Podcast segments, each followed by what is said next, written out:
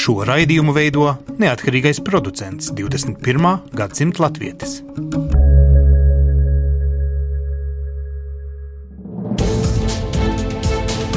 Septiņas dienas Eiropā piedāvā Eiropas radiotīkls Eironet.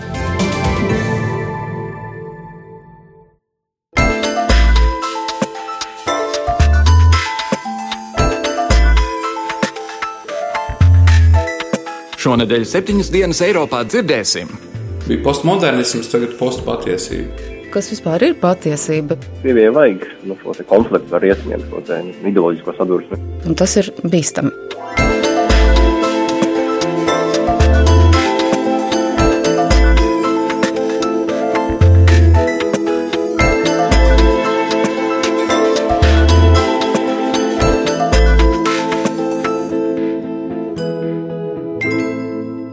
Labdien, godājamie klausītāji! Latvijas radio studijā Kārlis Streips esiet sveicināti jaunajā septiņas dienas Eiropā.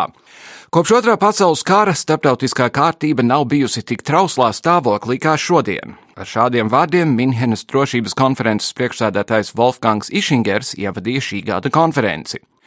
2017. gada pirmajās nedēļās jau bijuši trīs spilgti notikumi, kas ilustrē pastāvošās problēmas ASV administrācijas maiņa un Donalda Trumpa inaugurācijas runa, Lielbritānijas oficiālais lūgums izstāties no Eiropas Savienības un konstitūcijas reformas uzsākšana Turcijā.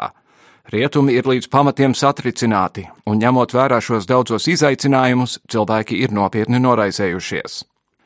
Eksperti atzīst, ka rietumi paši arī nav gluži bez vainas mūsdienu nedienās, it īpaši, ja vairākas valstu valdības redzams nolēmušas uzgriezt muguru rietuma vērtībām, tādējādi vēl vairāk apdraudot pastāvošo starptautisko kārtību. Tāpat Eiropai jācenšas atrast kopsaucējus ar tādu Amerikas Savienoto Valstu valdību, kas skeptiski skatās uz pastāvošo globālo struktūru, jo jebkura cita rīcība būtu padošanās un savu vērtību nodošana.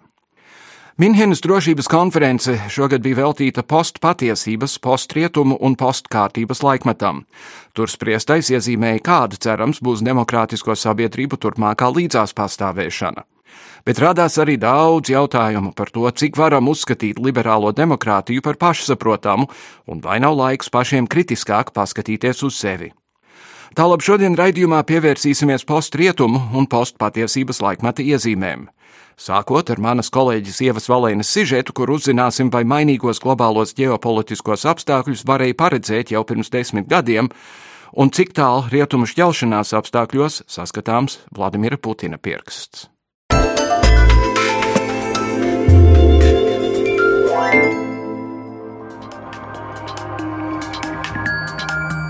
Arvien biežāk sabiedrībā runājam par postpatiesības ēru, jeb laiku, kad emocijām un viedokļiem ir lielāks spēks ietekmēt cilvēku lēmumus nekā pārbaudāmiem un patiesiem faktiem. Tieši šo bieži piesauc kā vienu no iemesliem Britu balsojumam par labu Eiropas Savienības pamašanai, amerikāņu atbalstu Donaldam Trumpam, kā arī rietumu sašķeltajām sabiedrībām. Postpatiesība bija fokusā arī ikgadējā Minhenes drošības konferencē. To gaidot, Kremlim piedarošais TV kanāls Rasija Ģina pagājušajā nedēļā atcerējās pēdējo reizi, kad tajā piedalījās Krievijas prezidents. Tieši pirms desmit gadiem Vladimirs Putins savā uzrunā brīdināja pārējo pasauli par to, ka viss mainās un ir laiks ieviest jaunu globālo drošības modeli ar vairākiem varas centriem, tostarp arī Maskavu.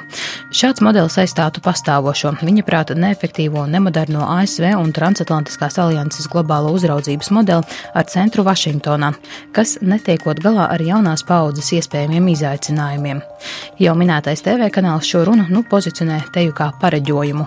Ir teiciens par to, ka vislabāk pareģot nākotni ir, ir īstenot to, tātad uzsākt pašam tos projektus. Saka Austrumēropas politikas pētniecības centra izpildirektors Andris Kudors.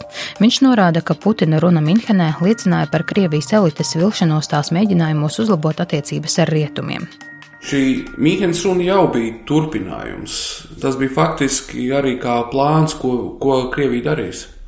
Krievija vienmēr oficiāli Krievija runājas par ASV kā tādu globalizācijas virzītāju, kas to īsteno savu tikai sautīgu interesu pēc, tikai ASV interesu pēc. Tas, ka var būt viena stratēģija, jeb tāda, kad visi ir uzvarētāji, to viņi ir nolieguši. Un tāpēc šī politika, kas pēc tam tika veidot, un arī 2008. gada, 2009. gada Krievijas tādos ārpolitikas un drošības konceptuālajos dokumentos tika nostiprināts, bija runa par multipolāro pasauli.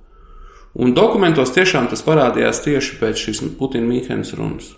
Un tādā ziņā viņi ir mērķiecīgi gājuši ne tik daudz uz savu svarenības vairošanu pēc šīs Mīhens runas, lai, izveid, lai arī izveidotos par dabisku tādu pasaules gravitācijas centru vienu no Drīzāk viņi ir operējuši atkal tajā pašā Leņķina stilā, domājot, ko darīt ārpusē. Bet teiksim, tāda globālā pieeja, un, un drosme un apņēmība darboties citās valstīs, lai viņas ietekmētu kaut kā, kā labvēlīgi Krievijai.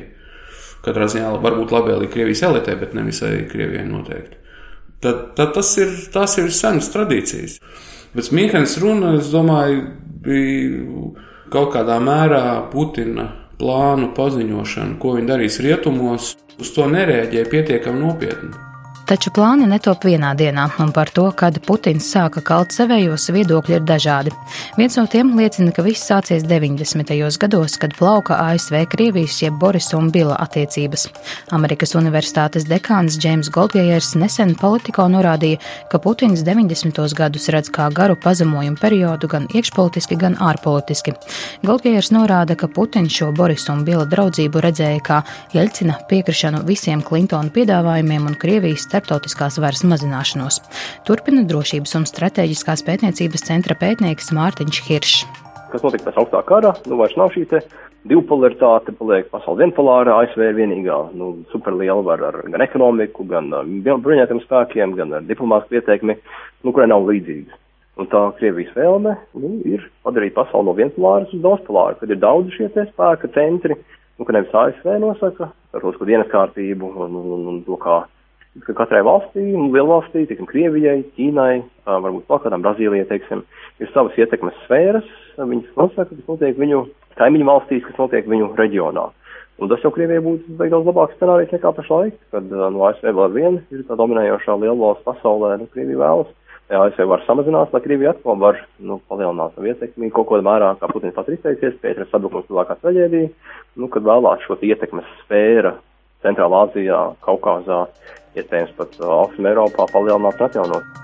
Nula pieminēto Putina teikto, ka viņa prāta PSRS sabrukums ir lielākā 20. gadsimta traģēdija, par sākumu punktu Minhenē paziņoto plānu kalšanai uzskata Andris Kudors. Tajā pašā laikā, kad tiek dibināts TV kanāls Raša Today, ko tagad sauc par RT. Tam visai pasaulē jānodod Krievijas skatījums uz procesiem sabiedrībā un politikā. Tas, ka Krievija un Rietumi uz šiem procesiem skatās atšķirīgi, nav nekāds jaunums, un ļoti daudzi no hibrīda kara paņēmieniem nāk vēl no augstā kara laikiem. Turpina Mārtiņš Hiršs. Viņi redzēja pasaules sadursmē starp kapitalistiskajām valstīm un komunistiskajām valstīm, ar ideoloģijām.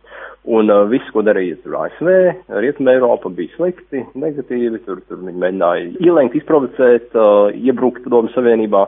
Nu, izīgi arī kā tagad Putins tā kā saka, kad uh, Rekurnato mēģina aplenkt, uh, iebrukt, tā teikt, kaitēt Krievijai.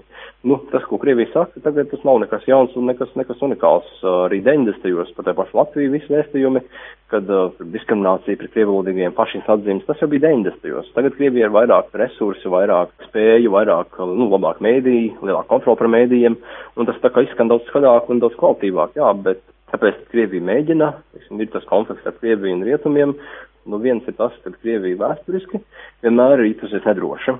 Nu, kad nav nekādu dabisku robežu, nav ne kalni priekšā Eiropā, nav ne upes, ne jūras, nekas.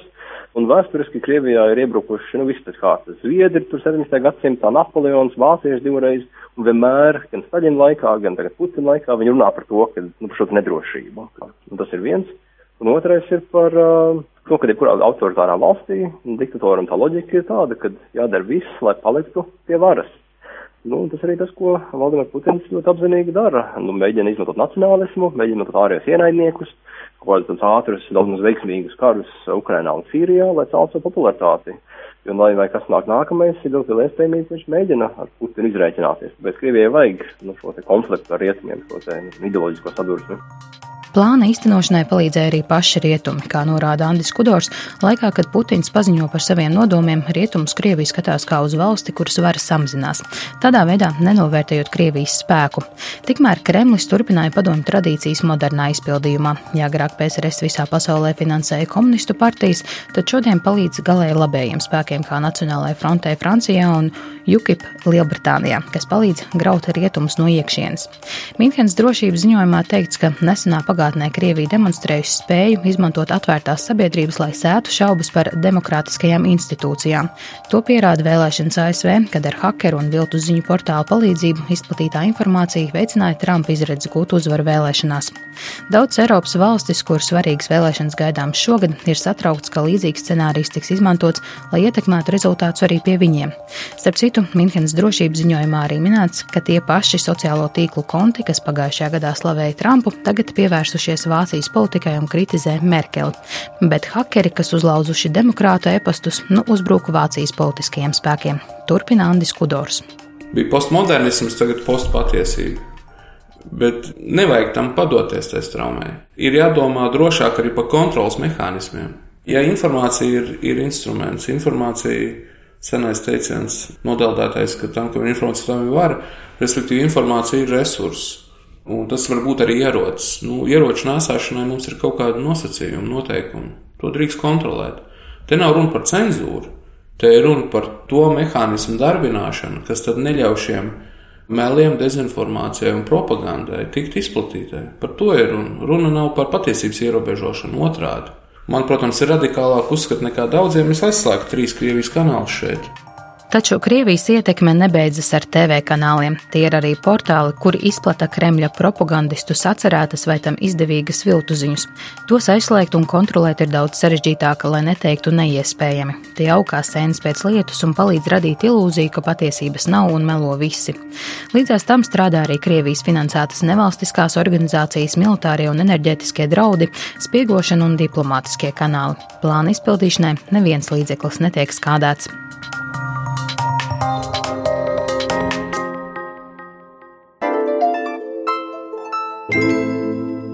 Saskaņā ar Oksfordas angļu valodas vārnīcas skaidrojumu vārds post patiesība apzīmē apstākļus, kuros sabiedrības viedokļa veidošanā objektīvi fakti ir mazāk ietekmīgi nekā vēršanās pie emocijām un personīgiem uzskatiem. Lai gan vārds post patiesība ir lietots jau desmit gadus, pēdējā gada laikā tā izmantošana krasi pieaugusi. Salīdzinot ar 2015. gadu, vārda postu patiesība izskanēšana publiskajā telpā pieaugusi par apmēram 2000%. Ar puspatiesībām sastopamies visur - politiķu uzrunās, ziņās un mēdījos, kā arī sociālajos tīklos. Vai tiešām faktiem vairs nav nozīmes un svarīgs kļuvis tikai uzrunas efekts, nevis saturs? Par to, kādus draudus rada patiesības un faktu izzušana un ar kādām metodēm varam censties apturēt puspatiesību un alternatīvo faktu uzvaras maršu, šodien spriedīsim ar Rīgas Stradiņu Universitātes komunikācijas studiju katedras asociēto profesoru Ilvu Skulti. Labdien! Labdien! Vai, vai jūs kā profesore esat manījusi savā darbā un it īpaši studentu starpā šo patiesības jēdzienu izzušanu? Nu, būtu diezgan grūti to tā samanīt vai izmērīt, es gribētu teikt, bet eh, es domāju, ka pats fakts, ka interese mm, studiju procesā par tādām, nu, teiksim, pamatīgām, ilgām ar laiku, enerģiju saistītām lietām, kas vienmēr ir faktu meklēšanas un pārbaudīšanas process. Fakts, ka tas ir mainījies studentu vidū, manuprāt, arī ir tiešām vērojams. Mm -hmm. Bet, eh, kā jau teicu, tad pirms tam, ka mēs būtu to pārbaudījuši ar kaut kādām metodēm, kuras dod tiešām ticams faktus, arī šīs sarunas kontekstā baidītos apgalvot. Nu jā, es pieļauju, ka kāds to ir pētījis šo, šo desmit gadu laikā, bet ne konkrēti jūs. Bet tajā pašā laikā, teiksim, Viens, kas, protams, ir mainījies, ir informācijas meklēšanas veidi. Ir tagad internets, kurā būtībā jebkurš cilvēks var ievietot pilnīgi jebko, un jebkurš cilvēks to var atrast. Bet vienalga, mani mulsina šis jēdziens postpatiesība, jo patiesība tomēr ir patiesība, un fakti tomēr ir fakti. Un es te neredzu filozofisku jautājumu, es te redzu vienkārši melošanu. Nu, es teiktu, gluži tā nav, jo vismaz, ja mēs sekojam kaut kādās kritiskās domas attīstībā, es ar to domāju marksistisko un nemarksistisko ievirzi, tad šeit jau no 20. gadsimta sākuma ir teorijas, kuras tieši mēdī sakarā aplūko faktu kā kaut ko, kas nebūtu nav dabiski radīts vai radies, bet kas nav nenotiekošais, nereālais, bet ir kaut kas, kas ir, teiksim, sarežots, uzražots. Ja? Pats mm -hmm. fakts, ka fakta vārds nāk no latīņu valodas fakera, kas nozīmē darīt, veikt, ražot, pierāda vai norāda uz to, ka šeit mums ir darīšana ar cilvēka darbību, kas ir selekcijas un interpretācijas darbība pamatā, ar ko nodarbojas arī žurnālistika. Un tādā gadījumā, ja mēs runājam konkrēti par marksismu teoriju, tur viens jautājums ir, ka tas nav fakts, ka caram ir dieva dotas tiesības pārvaldīt Krievzemi tā, kā tas ir visu laiku pastāvējis. Apmēram. Jā, bet šeit ir runa par to, ka arī to, ko mēs saprotam kā patiesību, kāds ir vispirms atradis kā vērā ņemam kaut ko, vai kaut ko, kas varētu ietekmēt cilvēka dzīvi vai sabiedrības dzīvi kopumā, un tālāk to noteiktā veidā apstrādājas tā, lai citiem cilvēkiem būtu viegli uztvert. Un šeit arī parādās tās interpretācijas iespējas. Tad, kad mēs runājam par patiesību, patiesībā tas ir tāds neizrunājams jautājums. Es vienmēr studentiem šajā sakarā piesaucu Bībeli, jo arī Bībelē, jūs zināt, jaunajā derībā, kur Poncijas Pilāts ar Kristu runājās, tur šis jautājums pirmoreiz izskan. Un es domāju, ka nav mazsvarīgi redzēt viņu to tik pretrunīgi, kā tieši Bībelē viņš parādās. Mhm. Tā kā e, jautājums par to, kas vispār ir patiesība, ir e, dziļš filozofisks jautājums, kas saistās ar to, kā cilvēki ir e, kopš seniem laikiem izzinājuši to, kā vispār pasaule tiek izzināta, izprasta, kā mēs iegūstam kaut ko, ko mēs vēlāk uzskatām par zināšanām. Zināšanas sistēmas mainās, tas nevienam nav noslēpums. 20. Mm -hmm. gadsimta laikā mēs īstenībā operējam ar pretrunīgām zināšanām vai pretrunīgiem stāstiem par to, kā pasaule patiesībā ir uzbūvēta. Jā, uz to ir norādījuši postmodernie domātāji 20. gadsimta 60. un 70. gados. Tā kā šeit īstenībā interesantākais varbūt par to, ka mēs mūsdienās saskaramies ar šo postpatiesības jēdzienu, nav tas, ka tas būtu kaut kas jauns. Drīzāk tas ir kaut kas, es teiktu, kas ir pieaudzis pēdējo gadu laikā tādos apjomos, ka tas vairs neļauj mums palikt vienaldzīgiem, un tas ļauj politiķiem. Un nevelti šajā brīdī šis vārds parādās tieši politiskās komunikācijas kontekstā, ka šeit ļauj, politiķi jūtas absolūti brīvi darboties ar to, kā viņi runā par pasauli, bez tā, ka šie fakti būtu jāpārbauda vai kāds ar to nodarbosies. Nu, ir skaidrs, ka kāds ar to arī nodarbojas. Arī, piemēram, interneta to vietņu skaits, kas nodarbojas ar faktu pārbaudi, ir ievērojami pieaudzis pēdējo gadu laikā. Ja? Mm -hmm. Tas nav tā, ka neviens par to nebūtu skeptisks, ko saka, piemēram, tādi politiķi kā Trumps. Bet um, No otras puses, ir skaidrs arī, ka šeit tā brīvība daudz lielāka. Tās akceptances, konsensa viedoklis, kas cilvēkiem ir, ko viņi izlaiž cauri, ko viņi pieņem zināšanai, iespējams nepārdomājot un tālāk ar to operē savā tālākajā dzīvē, gan mm -hmm. kā vēlētāji, gan kā vienkārši cilvēki, kas iet pa ielu, tas ir mainījies un tas ir bīstami. Bet, bet attiecībā uz to patiesību, es klausoties, kā jūs runājat, to es tagad saprotu, ka man personīgi tā ir patiesība, piemēram, ka saskaņa ir pārāk tuvu saistīta ar Kremļa diktatoru partiju. Bet es saprotu, ka tas ir mans viedoklis drīzāk nekā, ne, tāpēc mana patiesība būs citādāka nekā jūsu patiesība, un, un tas vien norāda uz to, ka tas nav kaut kas empīriski pierādāms kā patiesība. Nu, es arī negribētu, lai jūs man pretnostatat sevišķi jautājumos par saskaņas saistību ar Kremli. Nē, nē, uh, bet, nē. Um, Bet es domāju, ka tiešām tā arī ir. Mans mīļākais piemērs šeit, ja mēs filozofiski runājam, ir no fizikas, proti par gaismas būtību. Jo mēs vienlaicīgi akceptējam gan ideju par to, ka gaisma ir viļņi, gan to, ka gaisma ir daļiņu plūsma. Un tas īstenībā arī šīs teikt kā pretrunīgais, pretrunīgie viedokļi, viņi pastāv zinātnē, kas mums liekas, nu, teiksim, faktu un tikai faktu ražošanas joma, ja mēs tā mhm. varētu par to runāt. Ja, ja mēs kaut kad vēršam skatus uz kaut ko, kur nu patiešām vajadzētu būt tikai ticamiem faktiem, tad tā būs zinātne, kā institūcija mūsu sabiedrībā, kurā ir lūk, šis te, es teiktu, kredīts ražot faktus. Mm -hmm.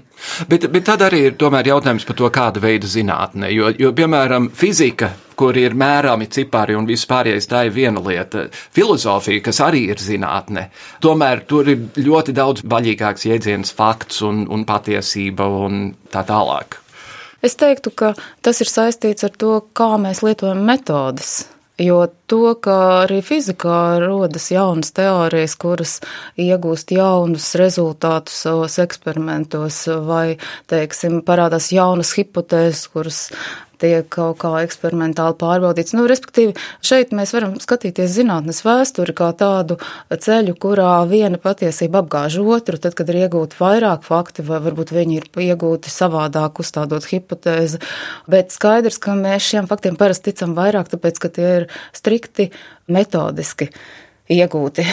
Mēs, es teiktu, nevaram teikt, ka Mēs neticam, piemēram, socioloģijai un sociālajām zinātnēm, kuros īstenībā tad, kad attīstījās socioloģija, arī lielā mērā mēģināja pārņemt šīs metodas, kāpēc sociālajās zinātnēs ir ārkārtīgi svarīgs jautājums par metodi. Mm -hmm. Tāpēc, lai mēs varētu īstenībā arī izspriest, vai mēs ticam, vai mēs neticam, vai tas vispār būs ticams rezultāts, tad, kad mēs iegūstam šo izpratni par to, kā dati ir iegūti arī sociālajās zinātnēs, mēs varam pārliecināties tam, vai mēs domājam, ka tas būs drīzāk ticams vai um, varbūt mazāk ticams uh, rezultāts. Uh, bet, kas attiecas uz filozofiju, tad es gribētu teikt, ka Es vienmēr esmu skatījusies uz cilvēku domāšanu kā tādu, kur bez faktiem kuros mēs jau šobrīd arī viens no aspektiem pēdējā laikā ir, ka faktu vienkārši ir pārāk daudz, tie esošie, ko mēs it kā jau zinām, tie potenciālie, kurus mēs varam iegūt, tas viss veido tādu, nu, grūti pārskatām, grūti sistematizējumu lauku, kurā tieši šīs sistematizācijas mēģinājumi arī noved pie puspatiesībām, nepatiesībām, kurām mēs vienkārši neredzam, ka varētu būt mhm. alternatīvas.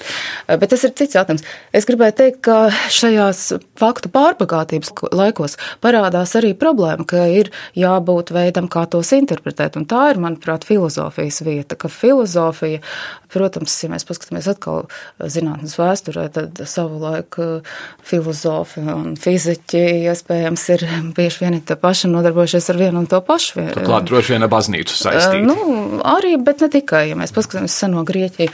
Bet, nu, protams, ka arī šeit varētu uh, to vispār runāt savukārt par, par ticamību un ticību. Bet uh, es ar to gribēju teikt, ka ir vieta arī tādai pieejai, kurā tad faktu daudzums ir kaut kā jānointerpretē, jāpadara cilvēkiem saprotams un no faktiem jā iztaisa idejas, ja tā var teikt. Un šeit ir tā filozofijas vieta, un šeit ir interpretācijas vieta, un tas, manuprāt, arī nav mazsvarīgi. Arī mm -hmm. žurnālistikā mēs varētu teikt, ir ziņu žurnālisti, kas nodarbojas, kam vajadzētu nodarboties tikai un vienīgi ar bezkaislīgu faktu vākšanu, pie tam labākajā gadījumā ar pēc iespējas dažādāku un varbūt pretrunīgāku faktu vākšanu. Un ir tomēr viedokļi, kurus arī neviens nav izslēdzis, un kuri ir vērtīgi, un kuros tad parādās šis padziļinājums, Dažkārt tas saistīts iespējams ar metodi un kaut kādu analīzi, bet eh, dažkārt tas tiešām ir saistīts ar veidu, kā to vispār ir iespējams aptvert un interpretēt. Nu, ja. Bet, ja mēs domājam par šo, šo faktu pārbagātību, kāda ir mūsdienās, un, un par to ir veikt visādi pētījumi, ka bērns līdz trīs gadu vecumam ir redzējis 5 miljonus reklāmu un tā tālāk un tā joprojām.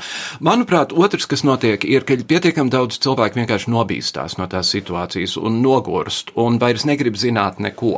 Un tas samazina. Es gribētu domāt, ka inteliģentā valstī nekad mūžam Donalds Trumps nebūtu ievēlēts par prezidentu. Jā, un šeit parādās dažāda veida prasmju vai pratību, kā mēs mūsdienās sakām, un droši vien vispirms mēdīju un informācijas pratības nozīme. Nu, par to es arī nebūšu oriģināla, ar vien vairāk sāk runāt arī mūsu sabiedrībā, bet uh, es domāju, mēs nevienmēr saprotam, kas ar to ir domāts. Un tas nozīmē pirmām kārtām prasmi lasīt, kas ietver sevi arī prasmi atrast, ko lasīt, prasmi saprast, vai tas ir tā vērts, lai to lasītu, prasmi izlasīt kontekstuāli un tam līdzīgi. Bet uh, es domāju, ka jums ir taisnība tā ziņā, ka cilvēkiem mūsdienās vienkārši nav laika, nav spēka, nav enerģijas, un tāpēc viņi visu grib saņemt tādā saspiestā formā, neveltī dzeltenā prese, kuras nosaukums angļu valodā saistās ar tableti, respektīvi tādu viegli ieberojumu saspiestu e, informāciju pietiekami efektīvā, teiksim, komunikācijas formā, Par to sāk runāt vairāk, varbūt 90. un 2000. gadu sākumā, cik liels un tāds eh, savāds varbūt šis preses kvalitātes izmaiņu zeltainības virzienā iespējas varētu būt. Iespējams, mēs to arī esam sagaidījuši, jo nekur nav teikts, ka Brexit vai Trumpa rezultāti ir eh, sociālo tīklu tāds rezultāts, lietošanas rezultāts. Ja? Mēs tā no vienas puses domājam, un, protams, ka tur tās komunikācijas īpatnības ir tādas, kas norāda uz to, ka cilvēku idejas radikalizējas pateicoties tādām metaforām, kuras apraksta norises internetā, kā es to saukšu latviski par atskaņu kambari vai, vai dažādiem informācijas burbuļiem, kuros cilvēki nokļūst, un tad viņi patiesībā tikai šīs informācijas burbulī arī dzīvo. Bet, Turklāt uzskata, ka liela... mans ir tas labais burbulis, jā, jā, tie tieši tā. vispārējie traki. Tieši tā, tieši tā. Nu, tātad šī te norobežošanās, vispār nesaskaršanās ar cita veida informāciju, kas eh, noved pie tā, ka tev vienkārši pat nav citu faktu, kam ticēt. Tu tici tam, kas tev nepārtraukti tiek piegādāts pie tam intensīvā veidā un ar nu, spēcīgām, spilgtām emocijām tajā. Mm -hmm. Bet uh, tas nav, nav būt vienīgais. Tas ir interesanti, ka arī ārzemju eksperti norāda uz to, ka patiesībā Trumps ir drīzāk televīzijas cilvēks vai Brexit gadījumā tieši varbūt zeltainā presa vairāk nu, spēja radīt tādus paliekošus spēcīgus narratīvus, jo sociālo tīklu ātrums jau arī nosaka to, ka mums varbūt paliek emocija, bet tie narratīvi, kas patiešām pasaka, kā ir labi rīkoties, piemēram, aprakst kaut kādu darbību ar kaut kādu iznākumu, un tad mēs atbilstoši reaģējot uz to, izdarām savus kaut kādus lēmumus, lai nenotiktu tas briesmīgais. Jā. Un tie tad, jā, tie tad, tad mēs nonākam gandrīz pie propagandas efekta, jo vai tas sauklis ir būvēsim gaišo komunismu nākotni, vai es Ameriku padarīšu atkal par lielisku zemi. Tie ir vienkārši bērnam saprotami jēdzieni, zem kuriem var pabāzt pilnīgi visu ko pēc kārtas. Un Krievijā ir, ir Krievijas valsts televīzija, Amerikā ir Fox News, kas ir arī tikpat liels propagandas kanāls, un cilvēki vienkārši tiek zombēti būtībā ar, ar šīm puspatiesībām un reizēm atklātiem meliem. Nu, Es atkal negribētu runāt par eh, zombēšanu, jo patiesībā man liekas, arī šīs sazvērstības teorijas pieder pie daļas no lielā postpatiesības projekta. Mm -hmm. Proti, man liekas, tas bija The Economist, kas tieši par postpatiesību kaut kad septembrī publicēja lielu materiālu, un tur tad arī parādījās tāda viena nianses, ka tās vietas, kad, piemēram, kāds eh, publisks runātājs tiek sastatīts ar faktiem, kur neatbilst viņa runātājiem, tās tās eh, situācijas, kurās parādās šie caurumi, tiek parasti aizlīmēti ar sazvērstības teorijām. Jā, ja es nevaru izskaidrot racionāli, tad es tajā brīdī ķeros pie kaut kādiem iespējamiem, teiksim, ārējiem spēkiem, mēģinu uzstāstīt kaut kādus tīklus apakšā, kas tad noteikti pagrieztu ainu tā, lai tas būtu ielipināms tajā manā radītajā pārskatā. Tādēļ es domāju, es nedomāju, ka mēdī nodarbojas ar zombēšanu, drīzāk šeit tiešām izprotot izprotot to, kā mēdī darbojās, eh, cilvēkiem pašiem vajadzētu kaut kā kontrolēties. Un šeit es nedomāju, ka nevar skatīties vai lietot kaut kādu vienu no mēdī veidiem. Mums vienkārši jājautā, vai mūsu saspringtajā ikdienā ir vērts viņu lietot. Eh, es nedomāju, ka būtu, piemēram, jānonāk pie secinājuma, ka to vai citu mēs taisīsim labāk ciet kas arī noveda pie nu, tādas, mm. es teiktu, tieši pretējā efekta, ko mēs gribējām panākt. Es domāju, ka te būtu vairāk tiešām jārāda, jāskaidro, jārunā par to tā, lai cilvēki uzstādītu šo to jautājumu, vai tiešām man šovakar ir jālieto tieši tā televīzija mm. vai jāskatās tas internets. Un tā, tā ir taisnība. Teiksim, ja es teikšu, vajag slēgt Russia Today, tad Krievija teiks, tādā gadījumā slēgsim Amerikas balsi. Un gal galā mēs paliksim pavisam bešā no, no jebkā. Bet, bet tomēr Mēs esam tagad, tagad ar Trumpu nonākuši situācijā, kas, manuprāt, ir nepieredzēta. Ja tā ir axioma, ka politiķis stāsta puspatiesības. Kā var nesolīt, ir, ir leģendārā frāze no repšas pie mūsu valstī. Bet tagad mums ir cilvēks, kurš vienkārši acīs skatoties melo, un viņš melo attiecībā uz pilnīgi izmērāmām lietām. Viņš vēl vien runā par to, ka viņam inaugurācija bija vairāk cilvēku nekā Obamam bija. Lai gan ir, ir fotografijas, ir skaitļi, ir, ir viss, viss, vis, viss, vis, viss, viss, viss, viss, viss. Katru dienu Katru dienu no viņa nāk vislielākie zilie zaļie brīnumi. Un manā uztverē tas ir vienkārši bīstami. Man liekas, tas, kas ir bīstami attiecībā uz Trumpu, ir tas, ka viņš prot pārsteigt. Un tad paliek ļoti maz laika gan ziņu dienestiem, gan komentētājiem, gan iespējams politiķiem un dažādiem cilvēkiem, kur iespējams apsver savu kaut kādu lomu vai kontekstu šajā politikā. Man liekas, Amerikas politika šobrīd, es galīgi neesmu eksperts, bet es atļaušos pateikt, liecina to, ka te nepārtraukti ir pārsteigumi. Mēs īstenībā nezinām, ne ar ko rēķināties. Es pieļauju, arī Amerikas politiķi nezina, ar ko rēķināties. Bet uh, tas, ko es gribēju teikt, kā mēdīju, tomēr jomas pētniece, šeit ir svarīgs tas nenormālais ātrums, kurā mēs dzīvojam, un tas, ko uh, Trumps iespējams prot, izņemot to, kas jau sen tiek aprakstīts kā viņa televīzijas, televīzijas tēls, ko mm -hmm. viņš arī droši vien prot. Bet tas, ko viņš dara labi mūsdienu situācijā, ir viņš piedāvā absolūti negaidīts pārsteidzošas ziņas, kuras pateicoties tādiem mēdījiem kā Twitters, ne tikai nonāk pie ziņu dienestiem, kas varētu būt vārdsarga, lūk, vecā vārdsarga loma, kur tomēr kāds profesionāls izlem to, vai tas ir vērts un kā mēs pret to attieksimies, bet uh, bez šiem vārdsargiem nonāk pie ārkārtīgi plašas auditorijas. Un tad, attiecīgi, visi ir spiesti attiekties, kas aizņem laiku, un uz to brīdi, kad viedoklis ir aptuveni noformulēts, viņam ir jaunais pārsteidzošais jaunais vēstījums, un tad atkal viss ir gar zemi. Nu, lūk, šis ir tas iespējams jaunais un ārkārtīgi bīstamais, ar ko ir jārēķinās. Trumpa mm. kontekstā. Vēl jau vairāk tāpēc, ka kamēr visi runā par to, ak, Dievs, ko viņš tagad ir pateicis, neviens Tieši neskatās, tā. ko viņš tur dara fonā. Tieši tā. Uh, Stradiņa universitātes asociētā profesora Ilva Skulti, paldies jums par sarunu. Paldies!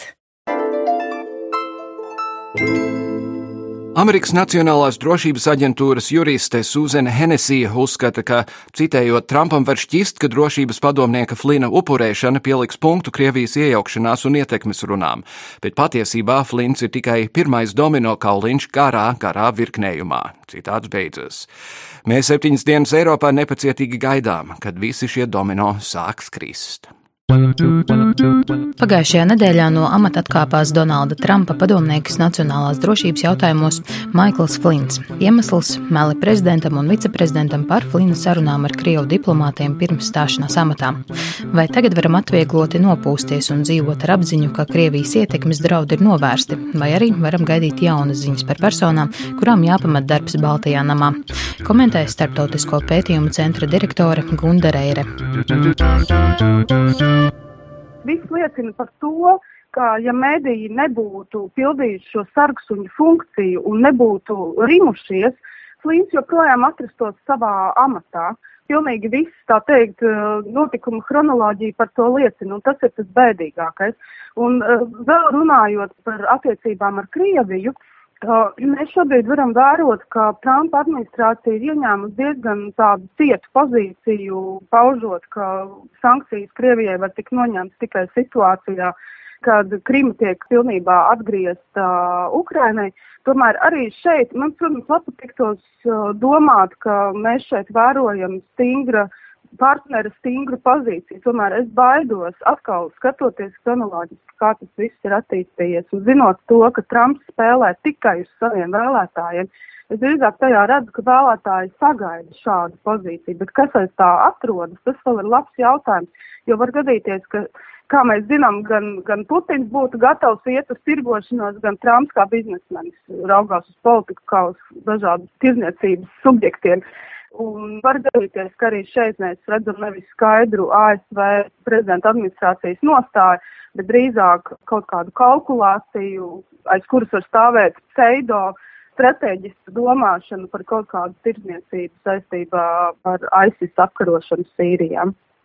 Ja mēdī turpinās turēt roku uz pulsa un, un vērot, ka šīs personas darbojas publiskajā telpā un arī ārpus publiskās telpas, es domāju, ka izmaiņas prezidenta administrācijā var būt gaidāmas.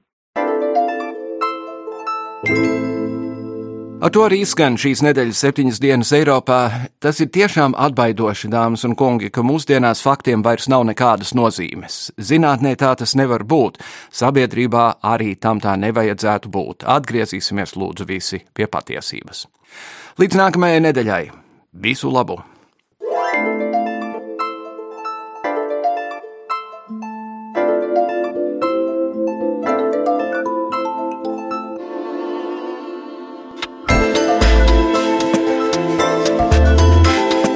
Raidījumu veido Kārlis Streips, Ieva Valēne un Jānis Krops. Raidījuma producents Lukas Rozītis.